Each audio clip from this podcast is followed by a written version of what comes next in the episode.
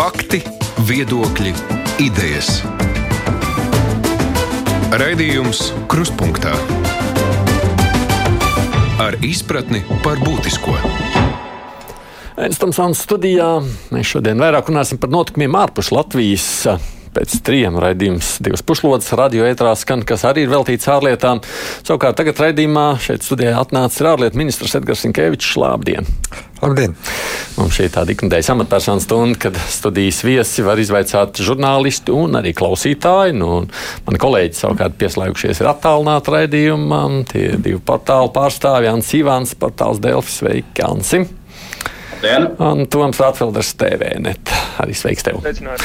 Savukārt klausītāji, kā parasti var iesaistīties raidījumā zvanot vai arī rakstot, mums ir tiešā etra tālruņa numurs 6722 888 un 672 559. Tas attiecas, es atgādinu, tiešām uz radio tiešo ēteru, nevis vairs pēc tam uz ierakstiem, kas ir televīzijā vai arī atkārtojumā. Nu, protams, arī elektroniski tieši tādā pašā veidā sūtot savus jautājumus vai nu mājaslapā vai uz adresi krusta.ēta Latvijas radio LV. Nu, droši vien jāpabrīdina, ka pie klausulas var nākties kādu laiku gaidīt tiem cilvēkiem, kas mums zvana. Vakar vakarā ir notikuši atkal vardarbīgas aizturēšanas Baltkrievijā. Tur amanieši sadauzījuši automašīnas, kur vadītāji pauda atbalstu protestētājiem.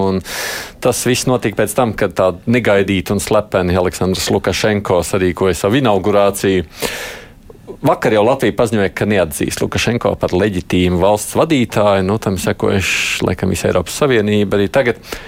Ko tas nozīmē tīri reāli un praktiski? Kāda šai neatzīšanai tad ir tā nozīme?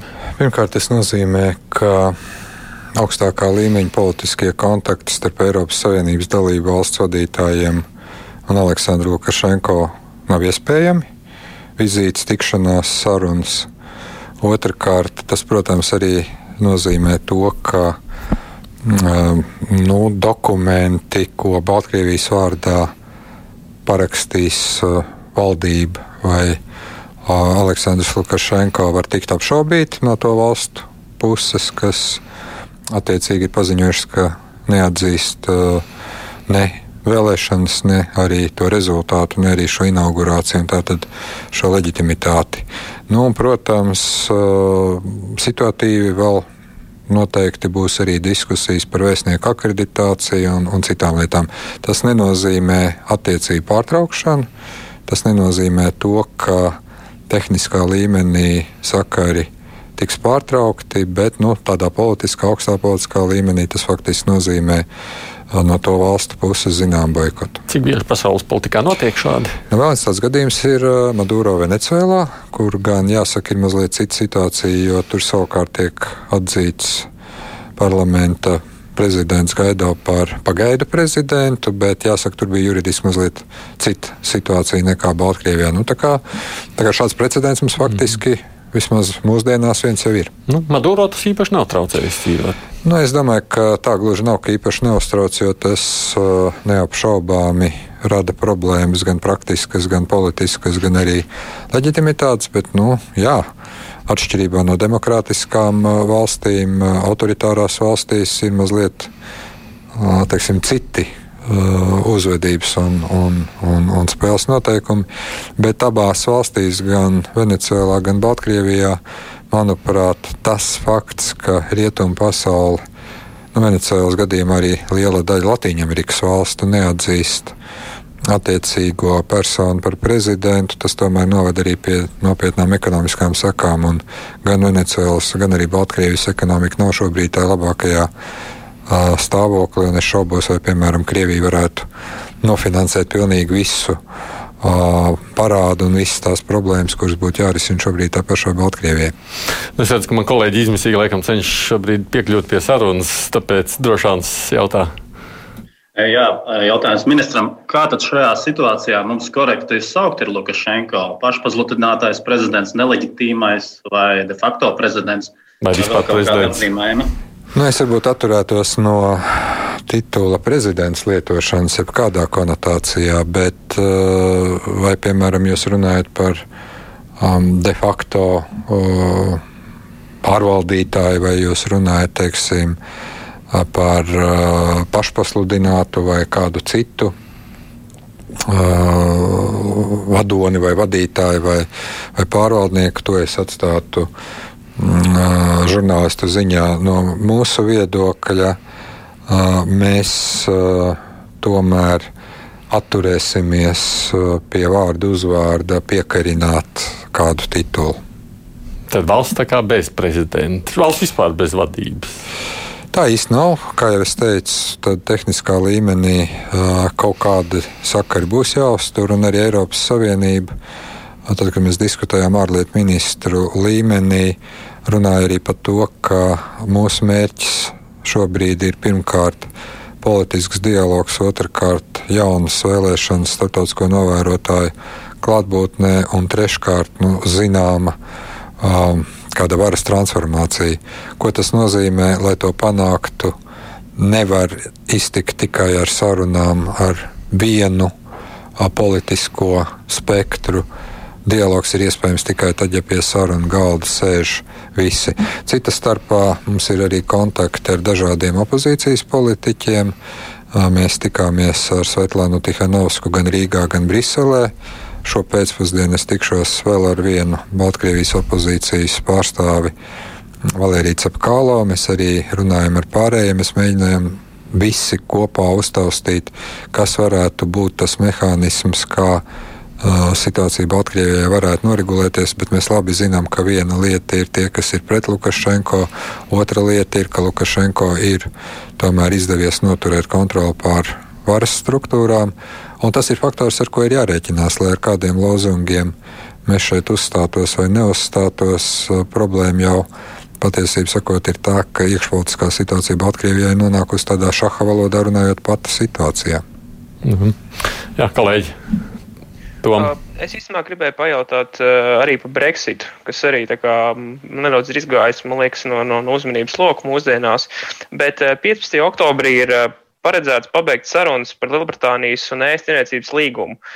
Pagaidām gan izskatās, ka ir zināma sarežģījuma un Eiropas Savienība pat apvaino Lielbritāniju izstāšanās vienošanās gara pārkāpšanā. Es gribēju pajautāt ministram, vai jūs prāt šis līgums beig beigās tiks noslēgts vai arī nē? Man ir grūti atbildēt uz šo jautājumu. Es domāju, es varu pateikt tikai to, ko vēlās Latvija un Eiropas Savienība. Un mēs vēlētos, lai tiktu noslēgts līgums par nākotnes attiecībām, bet kas mums bija absolūti nepieņemams, ir tas, ka faktiski Britu valdība bija sagatavojusi un iesniegusi parlamentā likumprojektu, nu, par iekšējo tirgu, kas pārkāpj jau noslēgto Brexit vienošanos tādā veidā, ka faktiski ne tikai esošais regulējums, bet arī jebkurš nākotnes regulējums ir neiespējams. Vai mums izdosies panākt uh, kaut kādu progresu sarunās līdz oktobra vidum, jo tas ir tiešām pēdējais brīdis, lai vēl šo potenciāli jauno vienošanos ratificētu un tā stātos spēkā no jaunā gada.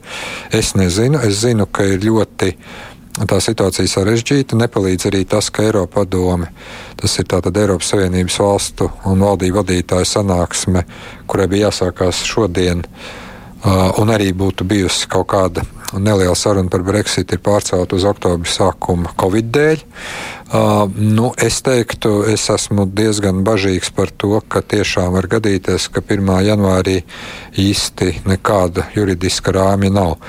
No otras puses, man liekas, nu, mēs esam izdarījuši maksimālo, lai mūsu intereses mums būtiskos jautājumos neciestu, un laikam psiholoģiski mēs vairs tik ļoti nepārdzīvosim pie jebkura iznākuma. Man liekas, viss tas šoks un, un tās ļoti smagās sajūtas šo turpat, nu jau jāsaka, četru ar pus gadu laikā ir kaut kur mazliet pagaisušas, un mēs visi esam pieņēmuši, ka Lielbritānija vairs nav Eiropas Savienībā.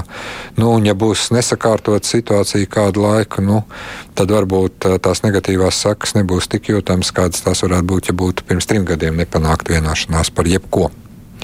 Bet jūs tas pieminētais likumprojekts priekšā tirzniecība nu, otrā lasīmā ir pieņemts un izskatās jau, ka būs. Tas nozīmē tās izskanējušās uh, spekulācijas, ka, ja gadījumā nu, Briti neatsauks, ko Eiropas Savienība gribēs, tad tur nekāda jēga slēgt jaunu līgumu nav. Nu, nedaudz gan šis likumprojekts attiecīgajās diskusijās tika modificēts. Viņš vairs nav tāds, kāds tas bija pašā sākumā. Sagaidīsim gala versiju, un tad arī Eiropas Savienības juridiskais dienests kopā ar dalībvalstīm izvērtēs precīzi, kāda ir tā gala versijas atbilstība, neatbilstība, un tad arī rīkosimies. Es šobrīd negribētu vēl komentēt dokumentu, kurš ir izstrādes procesā, bet kura sākotnējā redakcija bija tiešām absolūtā pretrunā ar starptautiskajām tiesībām un Lielbritānijas attiecīgajām saistībām. Okay. Labi, kolēģi, jums ir iespēja jautāt tālāk. Man ir jā, Jānis. Jā, atgriežoties pie Lukašenko kunga. Es saprotu, ka šo, šajā gadā situācija pēc vēlēšanām ir īpaši eskalējusies, bet no otras puses brīvas un demokrātiskas vēlēšanas Baltkrievijā nav bijušas kopš 94. gada. Kā tad visas iepriekšējās reizes varēja Lukašenko atzīt par leģitīmu, un tikai šoreiz nē? Pirmkārt, jāsaka, ka šīs vēlēšanas varbūt bija unikāls pat ar salīdzinoši, tiešām jums ir taisnība, citām arī nebūtu ne brīvām un demokrātiskām un, un atklātām vēlēšanām ar to, ka starptautisko novērotāju šajās vēlēšanās nebija faktiski vispār. Tie tika ielūgti tik vēlu un Covid apstākļos nu, lai novērotāji nokļūtu līdz valstī un sāktu savu darbu, ir vajadzīgs papildus laiks un papildus pūles, ka neviens faktiski nebija gatavs piedalīties. Uh, otra lieta uh, arī, protams, jāsaka, ka nu, ir grūti salīdzināt, bet tomēr salīdzinoši uh, tās falsifikācijas, kuras bija redzamas ar neapbruņotu aci, šajās vēlēšanās bija daudz vairāk nekā, piemēram, pirms pieciem gadiem. Uh, Pirms desmit gadiem mums jau bija nopietna krīze, un tad, kad es arī tikos pēdējo reizi ar Baltkrievijas ārlietu ministru, es, tas bija pirms vēlēšanām, es viņu nopietni brīdināju, ka ja mēs redzēsim gan falsifikāciju, gan um, vardarbību pret uh, miermīlīgiem protestētājiem, Toreiz man bija viens referents punkts, desmitā gada situācija. Tad neapšaubām tas nozīmē, ka attiecības starp Eiropas Savienību un Baltkrieviju pasliktināsies radikāli un situācija būs nu, ledus laikmeta līmenī, bet faktiski tas, kas notika šī gada augustā, nu, tas pat pārspēja visus iepriekšējos antirekordus. Un, un, un no tāda viedokļa raugoties, jā, viss, protams, ir salīdzinoši. Nekad ECO nav pilnībā atzinusi vēlēšanu procesu par atbilstošu standartiem, bet tas vēl nebija tas varbūt punkts, kur, kur arī sabiedrības iesaist, sabiedrības protesti, daudzskaitlīgie ziņojumi no vēlēšanu iecirkņiem un visa cita veida informācija, plus vēl novērotāju nēsamība, nu, faktiski radīja šo kritisko masu. Oskars saka tā, bet pat Tikanovski lūgus nejaukties Baltkrievijas iekšējās lietās, kur tā robeža, kad tad mēs iesaistāmies. Robeža, protams, kā jau tas daudzreiz ir pieredzēts starptautiskajās attiecībās un diplomātijā, nav tik skaidra, bet šeit atbilde ir ļoti, varbūt tāda, nu, principiāli korekta tāda. Baltkrievi ir gan ANO, gan Eiropas drošības sadarbības organizācijas dalībvalsts. Un Baltkrievijai ir saistoši daudzi principi saistībā gan ar vēlēšanu organizāciju, gan ar politiskajām brīvībām. Ja kāda no dalību valstīm pārkāpj tādā veidā, kā to mēs redzam Baltkrievijā, šos principus, tad starptautiskai sabiedrībai ir tiesības reaģēt, un šie reakcijas mehānismi šobrīd reāli notiek faktiski caur šo organizāciju prizmu. Mums bija jāno cilvēktiesību padomi. Mēs lūdzām nozīmēt un uh, dot iespēju apmeklēt Baltkrievijas speciālam ziņotājam saistībā ar cilvēktiesību pārkāpumiem. Un arī mēs uh, iedarbinājām tā saucamo Maskavas mehānismu ECO ietvaros. Tas ir arī tāds pats pārbaudas kontrols mehānisms cilvēktiesību jomā, nu, ko ļoti reti piemēro. Šie ir tie mehānismi, kas ir starptautisko organizāciju akceptēta. Otra lieta, ja mēs runājam par to, ka mums ir vēl viena kaimiņu valsts, Krievija, kas arī aicina nemitīgi neiejaukties, bet tā pašā laikā tiek nosūtīti. Es teiktu, tā streiklaužu uz Baltkrievijas televīziju kanāliem. Tiek draudēts ar to, ka ir speciāla drošības spēka rezerve gatava Krievijā, lai apspiestu nemierus Baltkrievijā. Nu, tad jāsaka, ka mūsu sankciju mehānisms un atbalsts Baltkrievu tautai, ne konkrētiem politiķiem, bet kopīgi, kopīgi Baltkrievu tautai dot tiesības sarīkot jaunas taisnīgas vēlēšanas un izvēlēties savu tādu pārvaldes modeli, nu, laikam nebūtu tā, tā, tā jaukšanās iekšējās lietās. Un šajā gadījumā es galīgi negribētu, lai mūsu klausītāji sakotu tādām atu pats līmeņa argumentam, kāds bieži vien izskan. Tomēr ir jāspēj filtrēt un analizēt arī dažādu veidu informāciju un argumentu. Piedodiet, kolēģi, es vēl pacelšu klausu un tad. Jā, halo! Halo! Jā! Labdien! Labdien! Rinkēvis kungs! Viņš dzirdējos, droši jautājiet. Jā. Nav viss svētība Rinkēvis kungam. Es par jums balsoju. Tāda lieciņa Eiropas Savienībā dzirdēja pateicos tāsī, ka pret rasismu ir jācīnās. Un kaut kādi likumi vai ir vai būs. Nav. Un kas notiek Beļģijā 142 pilns ar gulošajiem, maniem zaļiem viļņiem un dāmiņām? Nu? Nu, Vai, vai var atkārtot? es to beigas pats nesapratu, bet par rasismu es sapratu, vai mums ir kaut kādā mērā. Uh, nu, principā, Es varu tikai ģenerālā veidā nokomentēt, ka, ka arī Latvijā ir visi likumi, kas uh, nosaka, ka jebkāda veida diskriminācija, kas ir saistīta ar uh, rasu vai etnisko vai reliģisko piedarību, ir aizliegta. Mums ir arī pietiekami labi instrumenti, gan krimināla likums, gan citi, kas uh, nepieciešamības gadījumā tiek izmantoti, lai arī reaģētu, teiksim, uz konkrētiem pārkāpumiem. Un arī līdzīga situācija ir visā Eiropas Savienībā. Faktiski tas ir tāds nu, jau zināms mm. zelta standarts. Ja es pareizi sapratu jautājumu, No, tad es- šoreiz jā. jāsaka tā. Tom, droši. Uh, jā, es gribēju paprasīt īstenībā ministram uh, par situāciju tuvajos austrumos. Uh, apvienotie Arābu Emirāti un Bahreina ir noslēguši miera līgumus ar Izraēlu. Līdz ar to mums tagad reģionā jau ir četras Arābu valstis, kurām ar Izraēlu ir miera līgums. Man interesētu, vai mēs varētu sagaidīt, ka miera līgums varētu tikt noslēgts arī starp Izraēlu un Saudārābiju. Jo, nu, kā mēs zinām, jau starp Izraēlu un līdz valstīm jau principā sadarbība notiek darba līmenī, bet nav uh, diplomātisku attiecību normalizācijai. Līdz, līdz tam tas vēl aizgājis. Līdz to, vai jūsuprāt, Saudi būtu gatavs spērt nākamo soli? Nu, man bija saruna ar manu kolēģi no Saudārābijas. Viņš apmeklēja Latviju augustā. Mēs tieši šo jautājumu arī skārām. Viņš teica, ka pašlaik Saudārābija šo soli nespērs.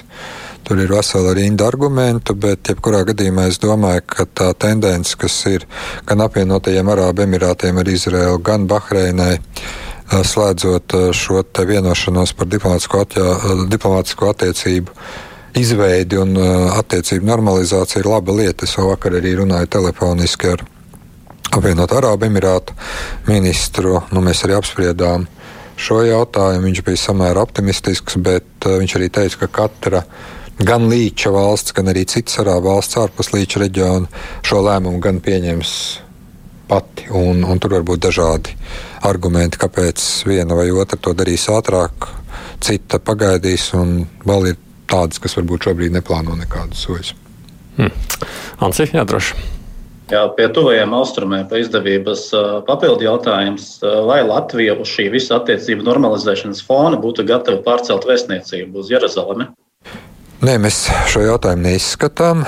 Mēs to neizskatām uh, faktiski gan starptautisko tiesību dēļ, gan arī uh, faktiski mūsu arī uh, izpratnē, lai stiprinātu vienotu Eiropas Savienības ārpolitiku un Eiropas Savienības ietvaros, lai arī šeit kāda valsts par šo domā, bet ir arī panākt vienošanās, ka pašlaik vienpusējas kustības vismaz kādu laiku neviena neveiks. Tā kā mēs šo jautājumu par mūsu vēstniecības pārcelšanu no Telavīvas uz Jeruzalemi neesam izskatījuši, neskatām, nu, kā būs nākotnē, kā situācija attīstīsies. Tad jau, tad jau redzēsim, bet pašlaik ir spēkā gan ANO drošības padomus rezolūcijas, kas ir saistošas, gan arī kopēja izpratne Eiropas Savienības līmenī par Eiropas lomu un vietu šajos jautājumos. Tie ir tie divi argumenti, kāpēc pašlaik šis jautājums nav dienas kārtībā. Pacelšu klausuli atkal. Halo! Halo, Jā, lūdzu. jā, labdien! Labdien! Sakiet, atgriežoties pie tā Baltkrievijas jautājuma, skatoties eh, māsu informācijas līdzekļos izlikto eh, u- uzņēmums video, var redzēt, ka tie drošībnieki, kas noalgoti Lukašenko, viņi ļoti baidās publiskošanu. Un, eh, Un tie protestētāji viņi it kā izliek ārā visus tos sarakstus, kas piedalās šajās noziedzīgās nodarījās uz ielām. Tagad vai nebūtu liederīgi, ja uzreiz šīs personas ņemt vērā šo, šos datus un iekļaut melnajos sarakstos, jo, kā zināms, viņai ļoti piekopja tādu braukšanu uz Poliju, uz Eiropu. Jā, paldies par jautājumu. Patiesību sakot, mēs vakar arī vienojāmies ar Lietuvas un Igaunijas kolēģiem. Tuvākajās dienās tiks publicēts, es domāju, sinhronizēts trīs valstu melnais saraksts, kur Es nevaru nosaukt, protams, precīzu skaitli, bet no ap kādu simtu uh, identificētu uh, personu, kas ir atbildīgs par vardarbību, kurus mēs varam identificēt, jo mēs nevaram vienkārši uzrakstīt vārdu, uzvārdu un pielikt fotografiju. Tur ir jābūt arī zināmiem identifikācijas kritērijiem, vai nu dzimšanas gadam, vai nu pasas numuram. Tātad šīs sankcijas tiks paplašinātas, nu, plus mīnus simts cilvēku varētu būt. Tas nenozīmē, ka tas būs pēdējais saraksts. Tā kā faktiski es varu atbildēt klausītājiem, ka mēs mēģinām šo informāciju arī analizēt. Mums, protams, nepietiek tikai ar to, ko ieraksta vienā vai otrā sociālā tīklā, tas tomēr ir mazliet sarežģītāks process, bet uh, trīs Baltijas valsts ir vienojušās turpināt uh, faktiski šo sankciju sarakstu paplašināšanu, negaidot uz to brīdi, kad Eiropas Savienība varēs vienoties uh, par savu sarakstu. Mm -hmm. Ja par tematu šajā virzienā, tad savukārt Ervīns prasa, un ne tikai viņš vienīgais, saka, ka negrib jau salīdzināt Baltkrieviju ar Krieviju, bet nu, Krievijā jau arī nav bijušas godīgas vēlēšanas. Tur arī opozīcija nepielēž pie vēlēšanām, bet diskusijas par Baltkrieviju ir krietni asākas nekā par korumpēto Putinu un Krieviju. Tad sanāk, Eiropā ir no bail no Krievijas ne tik daudz. Nu, šī laikam ir diskusija, kas ir bijusi gan vismaz pēdējos pārdesmit gadus, gan iespējams būs nākamos pārdesmit gadus. Jāsaka tā, ka, protams, ka, ja jūs paskatīsieties, ka tomēr sevišķi pēc Krīmas aneksijas un okupācijas pēc notikumiem austrumos. Tagad faktiski mums ir viena no galvenajām tēmām opozīcijas politiķa Navainija indēšana. Bija incidents Olsberijā. Eiropa un arī citas līdzīgi domājošās valsts nu, tā nu gan gluži nebaidās no Krievijas, bet sankcijas tiek piemērotas gan individuālās, gan ekonomiskās. Šobrīd patiesībā sakot, tiek diskutēts par jaunām sankcijām tieši no vainīga indēšanas gadījumā. Tas būtu viens. Otra lieta, ja mēs paskatāmies uz šo vēlēšanu procesu, ir diezgan maz valstu, kuras pasaulē vai Eiropā strikti simtprocentīgi atbilst kritērijiem. Un tad viss, protams, ir jautājums par samērīgumu, un otra lieta jautājums ir arī par sabiedrības reakciju, kas ar to notiek. Un dabīgi, ka jā, protams, ka ir vairākas valstis. Lielvalstis gan uh, Eiropas Savienībā, gan NATO, kuras neapšaubāmi uh, uzskatīs, ka ņemot vērā Krievijas izmēru ietekmi un nu, arī statusu ANO drošības padomē, patīk vai nē, bet uh, attiecības ir jāuztur un kaut kādas problēmas ir jārisina.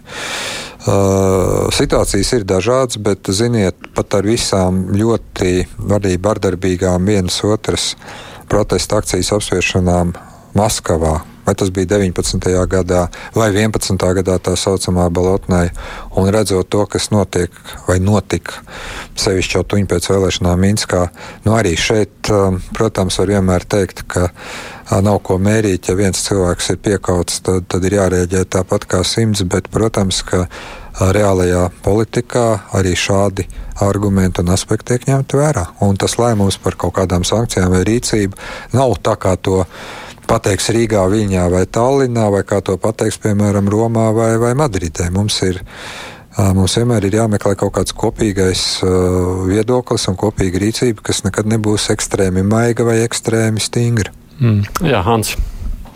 Jā. Kā jums izskatās šis uh, Navaļnija gadījums? Uh, vai ir iespējams, ka tiks apturēts Nord Stream 2 projekts pēdējā frāzē, par kuru vēl Vācija līdz pēdējiem brīdim, vēl pirms Navaļnija indēšanas, uh, teica, ka viņi neredz iemeslus viņu apturēt, bet grasās viņu pabeigt? Nezinu, vai tiks apturēts, bet es uzskatu, ka noteikti tas būtu jāaptur, jo mēs nekad neesam uzskatījuši šo par biznesa un ekonomisku projektu, bet par tādu ģeopolitisku. Nu, situācijā, kur tā pašā Vācijā tika nogalināts viens cilvēks, un nu, tagad izskatās, ka ir samērā cieša saikne ar spēcdienestiem Krievijā, nemaz nerunājot par indēšanu Lielbritānijā, tā saucamais Salisburijas incidents, nemaz nerunājot par visu, kas notiek Ukrainā vai Arī teiksim, daudzās citās pasaules vietās, jo mēs kaut kā mazāk vienmēr no savas skatu punkta raugamies uz Sīriju vai Lībiju, bet patiesībā sakot, arī tur ir diezgan nu, skaidra Krievijas iesaiste. Pie šiem apstākļiem es uzskatu, ka tas būtu absolūti nepareizi, ka Stream 2 tiktu pabeigts. Tas gan vairāk ir Vācijas lēmums. Es zinu, ka Vācijā ir ļoti asas diskusijas. Nu, es gribētu cerēt, ka Vācijas politiķi pieņems pareizo lēmumu. Ja kaut kādā veidā tas var palīdzēt, es domāju, ka tas varētu būt arī Eiropas Savienības kopējs lēmums, jo tās nav tikai Vācijas kompānijas vai tikai Vācija, tur ir vēl vairāk valstu kompānijas. Bet, nu, redz, atkal, es domāju, par šo jautājumu šodien būtu bijusi diskusija Eiropadomē. Šī diskusija tagad ir pārcelta uz 1. un 2. oktobri, tad, kad notiks Eiropadoma klātienē Briselē. Pirms tam mums būs iespēja šo jautājumu apspriest arī ar Francijas prezidentu, kurš būs vizītē gan Latvijā, gan Lietuvā. Nu, skatīsimies arī, cik tālu mēs varam virzīties. Bet, ja nav, teiksim, nosīm divi jautājums dienas kārtībā, nu, manuprāt, tomēr uzsākt papildus individuālo sankciju sagatavošanu pret atbildīgām personām par nevainīgu indēšanu būtu svarīgi, jo tā nav Krievijas iekšējā lieta, kā daudz domā. Ir izmantoti ķīmiski ieroči, kuri ir starptautiski aizliegti. Un tā ir tā sarkanā līnija, kas ir svarīga jebkurai pasaules valstī, jo ķīmisko ieroču aizliegums faktiski ir gandrīz universāls. Ir tikai dažas valstis, kas nav parakstījušas šo konvenciju. Es redzu, ka jūs abi gribat papildus jautāt kaut ko. Ants vispirms turpina. Jā, es uh, papildus. Jā ja šādā gadījumā, piemēram, Vācija tomēr izlemj savu biznesa interesu dēļ pabeigt Nord Stream 2, kādas ir Eiropas Savienības iespējas apturēt šo projektu?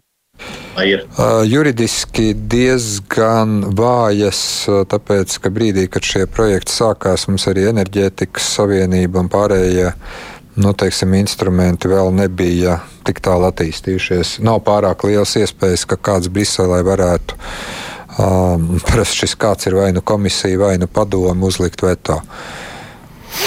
Tom, tu gribēji ko prasīt?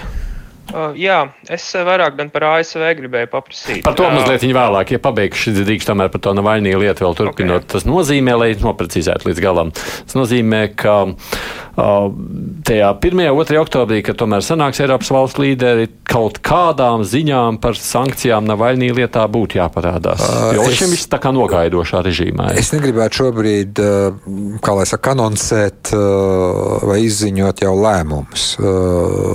Baltkrievijas ziņā gadījumā mēs zinām, ka tas tā kā jau ir anoncēts. Kad lems par to? Mazliet sarežģītāk. No. Nu. Lēmumi par Baltkrieviju jau sen ir sagatavoti. Mm -hmm. Viena valsts, Kipra, ir sasaistījusi Baltkrievijas jautājumu ar Turcijas jautājumu tā doma un tā cerība, kas eh, visiem ir, ka Eiropā domē būs lēmumi par abiem, kas apmierinās pilnīgi visas 27 dalībvalsts. Par Navainiju un Krieviju tiešām ir paredzēta doma apmaiņa, bet uh, vismaz uz šo ceturtdienu konkrēti lēmumi netika gatavoti drīzāk, kā lai saka, politiska konsensusa veidošana, jo uh, Eiropa padome juridiski nevar nolēmt par sankcijām. Uh, par to lēmj teiksim, citas padomas. Tā ir tāda Eiropas konstitūcijas pēdiņās īpatnība, un šīm sankcijām ir jābūt juridiski pamatotām. Nav tā, ka, ja man nepatīk Aidis Tomsons, tad viņš tiek iekļauts Eiropas Savienības sankciju sarakstā. Ir jābūt juridiskam pamatojumam, kāpēc mēs nevaram ielikt desmit cilvēkus tikai tāpēc, ka mums liekas, ka šie desmit cilvēki ir vai nav. Tā kā, ja ir zaļā gaisma, sākt gatavot šo sarakstu, paies vairākas nedēļas, ja ne mēneši, kamēr šīs sankcijas tiks uh, pabeigtas juridiskā izpratnē. Garš, bet neaizmirsīsim, ka Eiropas Savienības tiesa savulaik atcēla vairākus lēmumus par sankcijām pret bijušajām Ukraiņas amatpersonām tieši pierādījumu trūkumu dēļ. Tas nav tikai politisks, mm -hmm. tas ir arī juridisks process. Es atgādināšu tikai, kas mums ir studijā. Tas ir, protams, ārlietu ministrs Edgars Sinkevičs. Tās ir ārlietu tematika, kurai mēs pievēršamies. Man kolēģi Ants Sīvāns, Toms Atfelders savukārt attālināti arī gatavi iztaujāt. Raidījums Krustpunktā. To tagad droši. Restīvi par ASV es gribēju pajautāt. Jūsuprāt, ministra kungs, vai pastāv kaut mazākais risks, ka ASV pēc novembrī esošajām vēlēšanām varētu sākties kaut kas līdzīgs konstitucionālajai krīzei. Īpaši tāpēc, ka prezidents Donalds Trumps ir pateicis, ka viņš vēlēšanu rezultātus neatzīs. Nesen arī redzējām, ka nomira ļoti, ļoti prominenta tiesnese Rūda Ginsberga.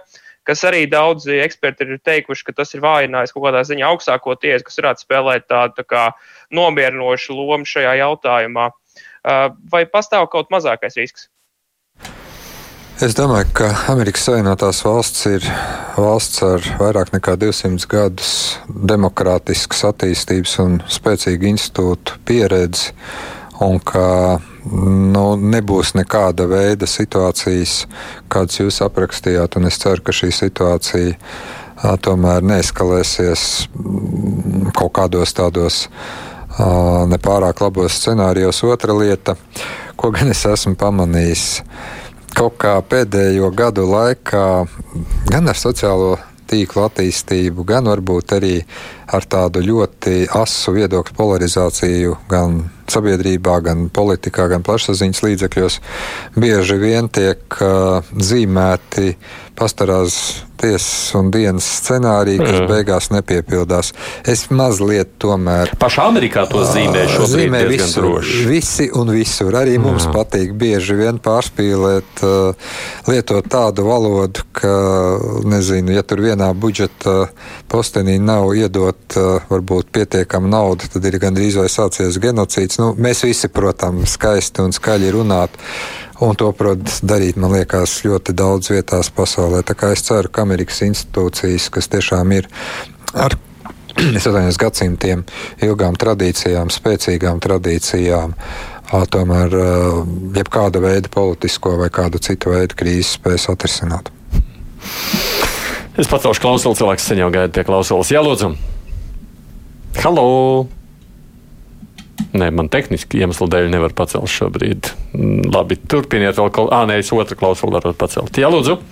Halo, labdien! labdien. Uh, cienījamais ārlietu ministra kungs, uh, jautājums ir tāds, tā kā no personīgas pieredzes man ir uh, radnieki Baltkrievijā, un viņiem nekad nebija polāras attiecības pret savu prezidentu, un viņi vienmēr gaudīja, gaidīja kaut ko jaunu no viņa, un tad sakarā ar to vai ir tomēr tā izēja, tā saucamais UHD, kas būs pēc tā UHD, vai pietiks administratīva resursa, lai, lai formulētu un formētu to jaunu valsti, vai, vai tā, tā ir, kas, kā daudz cilvēku saka, tikai bļaušana, ja, un tas izklaidē uz ielu, un pēc tam izrādīsies tā, ka, nu, nevar, nav vienkārši administratīva resursa, lai to demokrātiju būvētu. Ko, ko jūs par to domājat? Jā, paldies. Mhm. Ziniet, es teiktu tā, ka laikam uz šo jautājumu vislabāk var atbildēt tikai un vienīgi pati Baltkrievijas sabiedrība. Nu, Fakts ir skaidri redzams, kopš 9. augusta katru katru sestdienu, svētdienu ir ļoti plašas demonstrācijas, ne tikai Minskā, bet citās pilsētās. Faktiski arī darba dienās ir pietiekami daudz cilvēku, kas protestē. Un es domāju, šeit ir divi faktori. Ja nu tik brutāli uh, vilto vēlēšanu rezultātus, ka tas ir tik acīm redzami, tad uh, cilvēkiem vienkārši nepatīk tik asa melošana. Es pat esmu dzirdējis politologus, kas saka, ka nu, tur būtu varbūt uh, mazāks skaitlis pār. Tad varbūt vēl arī nebūtu tik asa reakcija no otra lieta, nu, tik ļoti nepamatota un brutāla cilvēku sišana sevišķi pirmajās dienās pēc vēlēšanu rezultātu paziņošanas. Man arī ziņo, ka tie cilvēki, un bija arī, man liekas, sižeti televīzijā, un bija raksti, kuri šobrīd ārstējās Latvijā. Pēc Latvijas valdības arī uzaicinājumi šie cilvēki nu, tiešām bija ar ļoti smagām traumām, un sekas vēl ir jūtams. Tas nav tā, ka kāds kaut ko ir melojis. Mēs esam redzējuši šos cilvēkus tiešām dabā. Tas ir atstājis ļoti nopietnu iespēju kādā veidā Baltkrievijai rīkoties, vai tās ir atkārtotas vēlēšanas, kā jau teicu, novērotāju klātbūtnē, un tad rezultāts ir tāds, kāds tas ir, bet tas ir akceptējams un tas ir vairāk vai mazāk caurskatāms. Vai tā ir konstitucionālā reforma, vai tas ir kaut kāds dialogs, vai tā ir varas maiņa. To nu gan, es domāju, var atrisināt Baltkrievu tauta. Jūs labi zinat, ka bieži vien šādās situācijās sevišķi, ja pretējā nometne uzvar, tad ir ļoti daudz tādu zināmu nu, cerību, gaidu, un, protams, ka ikdiena ļoti ātri daudzas lietas atkal piezemē. Tāpēc šo pieredzi var izdzīvot tikai Baltkrievi. Tā nelaime ir, ka šobrīd jau viņiem faktiski nu, ir pateikuši, balsojiet, kā gribiet, rezultāts ir tāds, un dariet, ko jūs gribiet, bet kā nu bija tā slavenā frāze, mīļot to neatdod. Nu, tad ir tie, kas ņirgājas, kas saka, nu, mīļot to neatdod, bet tikai pieslēdz vēl pie radiatoriem un kārtīgi uh, sit. Tā kā, tā kā es baidos, ka šajā situācijā. Ja, ja notiek kaut kāda varas transformācija, tas negarantē, ka šī transformācija notiek varbūt tā, kā to iedomājās tie vai citi uh, politiskie spēki un sabiedrības grupas, bet nu, tā ir neizbēgama attīstība. Bet vai rietumos tādā pašā veidā kā Latvijā mm, ir kaut kādas domas, nu, kā varētu atbalstīt Baltkrieviju tad, ja tiešām tā varas transformācija tur notiek? Jā, protams, ka tas ir jautājums, par ko arī tiek diskutēts, taču te ir divas lietas, kas ir jāņem vērā un ko arī bieži vien varbūt piemirst arī Latvijā daudz, kas šobrīd nu, neiedzinās tajās no, norisēs. Baltkrievija nav piemēram otra Ukraina. Daudz iemeslu dēļ. Baltkrievija nedomā par integrāciju Eiropas Savienībā. To neviens kandidāts mhm. vēlēšanās nerunāja. Visticamāk, mēs runātu par kaut kādu nu, zināmu varas maiņu, bet uh, tas politiskais vektors, ārpolitiskais jau palika līdzīgs. Savienotā valsts ar Krieviju vai kas cits. Ja būtu, piemēram, balsu vairākums, kas balsot, un tagad mēs gribētu stāties Eiropas Savienībā, tā būtu cita realitāte. Tas šobrīd nav tas. Līdz ar to arī šī atbalsta un palīdzības mehānismi ir mazliet savādāk nekā, piemēram, Moldovai vai, vai, vai Ukrainai. Un tie varētu būt, eh, protams, ka finansiālais atbalsts reformu veikšanai, ja ir tāda vēlme un apusēja vienošanās, tiek diskutēts, bet es esmu mazliet skeptisks, jo Krievijai un Baltkrievijai ir vienots eh, vīzu telpas regulējums par bezvīzu režīmu Baltkrieviem. Tur nu, mums būtu jābūt mazliet piesardzīgiem. Ir arī vēl vesela cita tāda nu, rinda priekšlikumu, par ko varētu arī, arī diskutēt, bet šobrīd tā ir mazliet teorētiska saruna. Jo tad būtu jāsaprot, kas ir tās reālās vajadzības pašai Baltkrievijai, kas ir mūsu iespējas. Covid arī ir atstājis iespēju uz visiem, arī palīdzības sniegšanas ziņā, bet nu, katrā gadījumā gatavība, ja būtu vēlme uh, kaut ko tādu darīt un sniegt atbalstu, tāda Eiropas Savienībā, protams, ir. Mm. Kolēģi! Kurš no jums Jānis? E, jā. Vēl, nu, gandrīz var teikt, dienu pirms 9. augusta vēlēšanām rietumos bija tāda cerība, un Lukašenko retorika arī, ka viņš uzlabos attiecības ar rietumiem un ka viņš tuvināsies rietumiem un nenonāks šajā ciešākajā integrācijā ar Krieviju, kas attiecīgi varētu būt papildus draudz Eiropas drošībai. Bet uh, tagad, pēc šī vēlēšanām, viņa retorika strauji mainījusies. Arī viņam pašam iespējams vienīgā izēja draudzēties ar Putina kungu. Uh, Bet kā varētu sabalansēt to, ka šīs Eiropas sankcijas, kuras, acīm redzot, nepieciešamas, neiedzena viņu pilnīgā strupceļā un ka viņa vienīgā izēja ir tikai ciešākā integrācija Krievijā, ko viņš jau savā retorikā ar vien vairāk piemin gandrīz kā faktu? Nu, es gribētu teikt tā, ka ilgi gaidītā un ar zināmām bažām vienās otrās aprindās gaidītā tikšanās Sočos uh, septembra vidū beidzās lielā mērā tikai ar uh, ar skaļākiem paziņojumiem, bet, nu, cik man ir zināms, ne ar kādiem konkrētiem lēmumiem. Otra lieta, tā nav pirmā reize, kad retorika tiek mainīta pa 180 brīžiem, pat pa 360 grādiem apgriežās tas vilciņš. Trešā lieta, jā. Arī uh, es esmu diezgan piesardzīgs, uh, un to es neesmu slēpis. Uh, lai runātu par teiksim, kādām ekonomiskām sankcijām pret Baltkrieviju, kas tiešām vēl vairāk nostiprinātu šo te.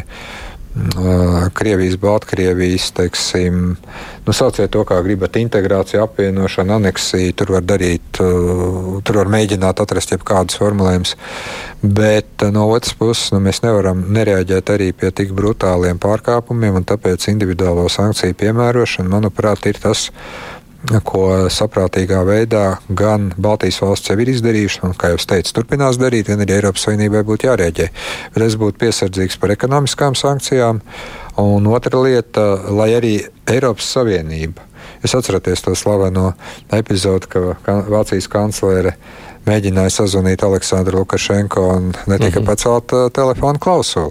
Tātad Eiropas Savienība un, un, un daudz dalībvalstu, tāpēc arī man bija telefons saruna ar ārlietu ministru augustu vidū, mēģināja kaut kādā veidā nu, nodot ziņu par, par, par to, ka šī politika, kas notiek, ir nepieņemama un kaut kādā veidā jāmeklē ceļš uz politisko dialogu. Mēs visi saņēmām atbildi, vai nu nepacelt rubu, vai nu atbildi bija nē.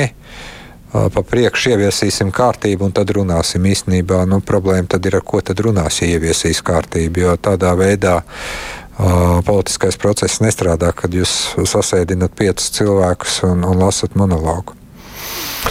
Labi, Tom ir kāds jautājums? Jā. Pēdējā laikā arī Baltkrievijas ēnā ir palikuši, palicis Latvijā vismaz tāds jautājums par saspēlējumu vidusjūrā. Jūsuprāt, cik liels risks NATO vienotībai un līdz ar to arī mūsu drošībai ir Turcijas ambīcijas paplašināt savas ekskluzīvās ekonomiskās zonas vidusjūrā? Kā mēs zinām, Grieķija tam diezgan iebilst, tam diezgan iebilst arī Itālija, arī Francija tur iesaistījusies tajā spēlē. Mēs redzējām arī saspīlējumu Lībijas krastos, kad Francijas un, Francijas un Turcijas flotas vienības sadūrās. Kāds izskatās no jūsu, jūsu viedokļa? Nu, protams, ka jebkāda veida strīdi, diskusijas, domstarpības starp sabiedrotajiem, sevišķi, ja vēl pa vidu ir militārā tehnika vai aprīkojums vai kuģi, kara kuģi, uh, ir ir zināms risks aliansē. Bet nu, mēs arī zinām, ka piemēram attiecību gāma starp Turciju un Grieķiju jau nav tikai pēdējo gadu, tas ir gadu desmitiem stāsts. Un, un līdz šim aliansam, lai arī dažreiz uh, situācija ir eskalējusies, dažreiz uh, varbūt bijusi mierīgāka, ir spējusi nu, tomēr veidot tādu uh, līdzsvarotu sadarbības modeli, kur tomēr tiek meklēti kompromisi. Un es gribētu cerēt un domāt, ka arī šoreiz uh, būs, būs līdzīgi. Tas ir viens. Otra lieta neapšaubāmi, ka nu, arī NATO ir daudzas dažādi izaicinājumi arī iekšējas saliedētības ziņā, bet atkal. Tad, kad beigās nonāk pie tiem visbūtiskākajiem jautājumiem, kāpēc vispār alianses eksistē, tad beigu beigās visi tomēr spēj savākties, jo tā apziņa par kolektīvajiem riskiem ir lielāka nekā varbūt viena otra individuāla problēma. Nu, gribētu teikt, ka gan NATO ģenerālsekretārs, gan visas dalība valsts tiešām strādā, lai šāda veida spriedzi mazinātu. Bet nenoliekšu tāda, protams, ir. Mm. Ja par pasaules tematiku augusts prasa, varbūt es nu, uzrakstītu tā, kā uzrakstīts, nolasīšu tur gramatiski, varbūt nevis precīzi. Kāda ir Latvijas oficiālā nostāja ANO, kur Indijā, Brazīlijā, Āfrikā, Vācijas, Japānas atbalsts pieprasa pārveidot komunistu laikā bipolāro drošības padomi atbilstoši 21. gadsimta multipolārai pasaulē, kur Indijā, kas cilvēku skaita ziņā tikpat liela kā Ķīna, nav mm. savas balsstiesības, UTT doma skaidra. Mēs, jā, es saprotu, mēs tiešām jau gadu gadiem esam atbalstījuši ANO drošības padomas reformu. Mēs arī uzskatām, ka tas, kas tika izveidots 1945. gadā, 2020. gadā, ir stipri neadekvāti tam, kā ir attīstījusies pasaule. Mēs uzskatām, ka vēl vismaz divām, trim uh, pastāvīgajām drošības padomus locekliem ir jābūt, bet ir arī jāpalielina nepastāvīgo dalību valstu skaits, jo, piemēram, arī Austrum Eiropas grupā šobrīd ir daudz vairāk valstu nekā, piemēram, pirms uh, 30 gadiem. Uh, līdzīgi ir arī, arī citur. Tā kā uh, mēs uh, esam jau nu, es pat teiktu, vairākus gadus piedalījušies šajā diskusijā, pauduši atbalstu, bet Tā nelaime ir tā, lai reformētu drošības padomu, ir jābūt piecu pastāvīgo dalību valstu piekrišanai. Un kā jums liekas, vai šīs piecas pastāvīgās dalību valstis grib dalīties šajā ekskluzīvajā varā, veto tiesībās? Un, nu, spriežot pēc Krievijas klubiņu. prezidenta uzrunas, no? At, atbildi ir nē. bet, bet spiediens ir pietiekami liels no tās pašas Indijas, kas uzskata, un es domāju, arī samērā pamatot uzskata, ka tā ir vieta pie drošības padomas galda kā pastāvīgai dalību valstī. Ir vēlme arī vismaz kādai vienai Eiropas valstī būt. Nu, mums ir Vācija, kas ir ļoti liela, ir arī Latīņa Amerika, ir arī Āfrikas valstis, kas uzskata, ka vismaz vienai Āfrikas valstī ir jābūt pie galda kā pastāvīgai. Bet redziet, tur arī ir vairākas lielas valstis, un visas jau jūs nepieliksiet. Tagad šīs diskusijas ir ārkārtīgi sarežģītas, notiek gadiem, un baidos, ka notiks vēl kādu labu laiku. Tāda arī tāda bilde. Kolēģi, ir ko jautāt vēl? Jā, es vēlējos arī pajautāt ministram, kā vienmēr, par vēstniecību tīklu. Vai ir plānots to arī paplašināt nākamgad, aiznākamgad, vai arī koronavīrus sekas mūsu ekonomikai šos plānus pilnībā ir izsvītrojuši? Jā, joprojām nākamā gada budžeta diskusijās mums ir vēstniecība Austrālijā, ko mēs nevarējām atvērt šogad, šī gada budžeta ietvaros. Bet patiesībā sakot, lielā mērā koronavīrusa um, pandēmija uh, parādīja mums arī ka mums ir zināmas lietas, kur mums vajadzētu tomēr šo vēstniecību tīklu koriģēt. Un tieši atbalsts pilsoņiem, repatriācija, tajā zemeslodes uh, daļā, kas ir Austrālija, Klusā okeāna salas un Jaunzēlāna, mums bija viena no vis, vis, kā lai saka, grūtākajām, sarežģītākajām. Tostarp arī tāpēc, ka tika faktiski pilnībā aiztaisīta satiksme un tikt Eiropas repatriācijas reisos arī nebija nemaz tik vienkārši. Otra lieta - visi tie paši ekonomikas uh, uh sadarbības mehānismi. Uh, mūsu kandidēšana ANO drošības padomē, visi tie argumenti, par ko es esmu runājis pagājušajā gadā, esmu runājis vairāk kārtīgi uh, tieši šeit. Redzēsim, vai valdība un saima akceptēs, bet dokumentos vēstniecība Austrālijā, Jaunzēlandē un, un, un Klusā okeāna salās šobrīd joprojām ir iekļauta. Nu, reiz par Covid tāds Ineses cilvēcisks jautājums. Latvijā arī bija tikko ieradies Lietuvas ārlietu ministrs, kopā ar mums jau braukājās, bet tur taču nekāda pašizolācija vai karantīna. Tikmēr vienkāršai tautai lūk maskas. No. Teiksim tā, mēs nebraucam varbūt viens pie otra atpūsties vai, vai kaut kāda veida turismu braucienos, bet visā, jāsaka, pasaulē un arī Eiropā tiešām diplomātskais dienests uh, ir zināms izņēmums. Tas nenozīmē, ka mēs neievērojam pastiprinātus piesardzības pasākumus. Arī, piemēram, Briselē, kur mēs tikko bijām, ārlietu padomē uh, bija ļoti stingri uh, epidemioloģiskie nosacījumi. Nu, neviens, protams, nav pasargāts, ka tomēr kaut kādā veidā šis vīrus nav, bet pavasaris mums parādīja arī vēl vienu lietu tā pati vidusjūras austrumu daļas problemātika, Ukraina, tagad Baltkrievija. Neļauj lietas efektīvi risināt video formātā. Un es bieži esmu teicis, ka laikam ir divas lielas mācības. Tālmācība laikam gluži nestrādās simtprocentīgi, un arī diplomātija video formātā nevar strādāt. Tā kā arī prezidents Makrons ieradīsies un būs pastiprināti pasākumi. Tur, kur mēs varam, mēs tiešām cenšamies pārāk publiskos pasākumos nerādīties, kur varam strādājam attālināti, bet pilnībā, protams, ka mēs nevaram salīdzināt turismu braucienu vai atpūtas braucienu ar darba braucienu. Un, un šāda diskusija, cik es zinu, ir gandrīz visās valstīs, kur, kur, kur cilvēki domā, ka ka, ka teiksim, varbūt ka vajag visiem vienādus noteikumus, bet arī Latvijā ir vesela rinda citu profesiju, kurās ir izņēmumi. Tā, tā ir daļa no darba un arī daļa no pastiprināta riska neapšaubām. Tā, nu man ir vēl pāris minūtes, kolēģi. Jums ir kāds vēl prasāmais Jānis? Jā, nu tagad, tagad Lukašenko ir atzīts par neleģitīmu Eiropas Savienības līmenī. Kā izskatās nākamā gada hokeja čempionāta? Tas vispār ir iespējams? Kopīgi rīkoties? Nu, valdībā spriedīsim.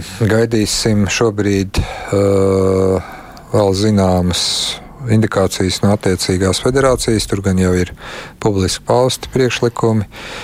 Uh, es teiktu tā, ka, manuprāt, nu, būtu ļoti sarežģīti uh, rīkot šo čempionātu tajā situācijā, kādā mēs šobrīd esam, ja jums cilvēkus uh, sit uz ielām, tas ir savā ziņā arī drošības jautājums. Uh, tas ir savā ziņā arī tāds uh, zināms, tomēr nostājas jautājums, bet uh, par šo te vēl ministru kabinetam būs jāizšķirās, un es domāju, ka būs diskusija. Bet šeit ir viena lieta, ko es esmu vienmēr teicis.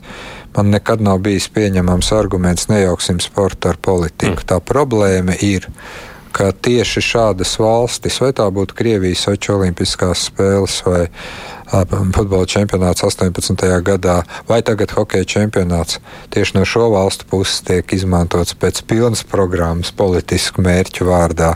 Un tad mēs izskatāmies pēc tādiem mazliet pajoliņiem, kas aizbrauc un, un, un tad uh, piedalās šajā šovā. Tas nu, tomēr nav arguments, ko es jebkad pieņemšu, ka ka vajag braukt visur, kur taisa čempionātus, neskatoties uz to, kas notiek. Savu laiku, nu, es gan nebiju varbūt vēl tik vecs, bet es labi atceros, ka tad, kad boikotēja Maskavas Olimpiskās spēles, iebrukuma Afganistānā dēļ, arī bija ļoti smagas diskusijas, bet tas, ka tās nebija līdz galam pilnvērtīgas spēles, jo bija arī boikots no vairākām rietumvalstīm. Tas tomēr atstāja zinām iespēju arī uz nu, kā lai saka, ilgtermiņā uz šo režīmu, domāšanu, ideoloģiju un stabilitāti. Tā kā jūs balsosit par atcelšanu? Es pilnīgi noteikti savu viedokli, ko es pateicu šeit, paudīšu arī ministru kabinetā, bet ministru kabinetā es pieļauju, mums būs diskusija, un tad lēmums jau noteikti būs koleģiāls. Tā kā, tā kā redzēsim, kā tas būs. Pie tam jā, jāņem vērā arī tas, ka Latvija tehniski, Latvijas valdība neorganizē šo čempionātu. Mēs esam snieguši garantijas, nevis mēs organizējam. Tur gan ir bijuši, protams, dažādi pasākumi pasākumu, kur valstī ir jāsniedz atbalsts. Tā kā par šo ir jādiskutē. Mm. Bet no šī nostāja, ko es saku šeit, tā nemainīsies arī diskusijā kabinetā.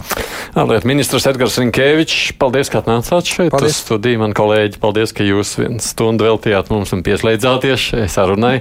Man kolēģi no portāliem, internetu portāliem Delfjāns Sīvāns un Toms Ratvelders no TV. Producenti mums ir Evi Junāms studijā šodien, redzījumā arī es Aidis Tomsons.